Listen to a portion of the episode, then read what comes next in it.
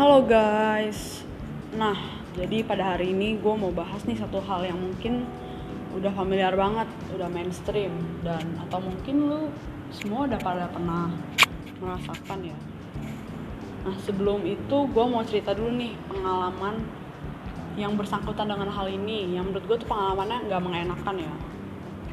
Jadi kalian tuh pasti sering kan hangout sama temen-temen atau sekedar jalan-jalan atau ngobrol-ngobrol lah ngumpul pokoknya.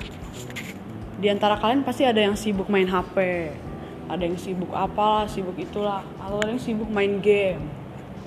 Main game. Sekarang kan lagi hype itu game apa ya? PUBG tuh ML dan PUBG itu kan nggak asik ya kalau main sendiri. Pasti mereka mulai ngajak yang lain. Sedangkan uh, gue itu kan bukan tipe orang yang suka main game ya jadi kalau misalnya mereka main game ya udah gue kayak tungguin aja tungguin mereka beres baru lanjut ngobrol lagi. Tapi semakin kayak gue diemin gitu mereka ya udah lanjut terus lah sampai apalah chicken dinner lah. Itulah pokoknya. Dan menurut gue itu mereka kurang apa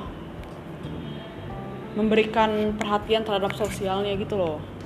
Sedangkan kita tuh lagi kumpul buat ngobrol tapi mereka malah asik main game. Pokoknya gitulah. Dan kalian tau gak sih dari hal kayak gitu dengan kebiasaan kayak gitu lu bisa memberikan dampak yang negatif loh dari main game aja ya. Sebenarnya main game itu lu bisa kecanduan karena saking asiknya tuh main game bisa apa nggak gabut bisa memberikan lu kesenangan. Tapi lu nggak tahu dampak negatif apa yang bakal lu dapetin. Nah sekarang gue mau ngasih tahu nih dampak-dampak negatif yang bisa kena dari keseringan main game. Yang pertama itu ada gangguan kesehatan. Kenapa bisa gangguan kesehatan? Ya karena dengan lu udah kecanduan main game lu duduk lu jarang gerak.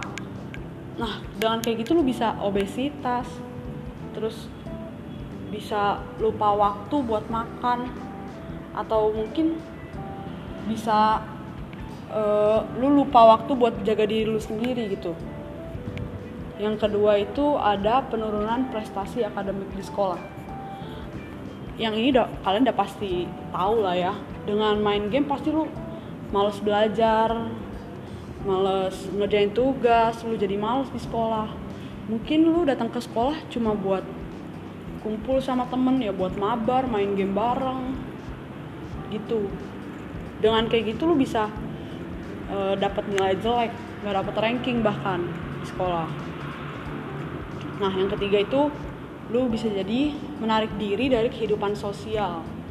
Nah nama lainnya itu kayak ansos lah antisosial yang lain ngumpul ngobrol-ngobrol lu malah sibuk sendiri sama HP lu. Malah main HP nggak mempedulikan uh, lingkungan sosial lu. Lu nggak nggak mau ikut join lah ngobrol atau apa gitu.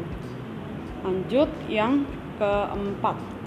Yang keempat itu lu bisa berperilaku agresif. Kenapa sih bisa agresif nih? Karena uh, di game video itu kan disuguhkan kayak konten kekerasan nih kadang apalah pukul-pukul atau apa. Dari situ uh, apa otak manusia itu bisa uh, mungkin meniru atau sebagainya.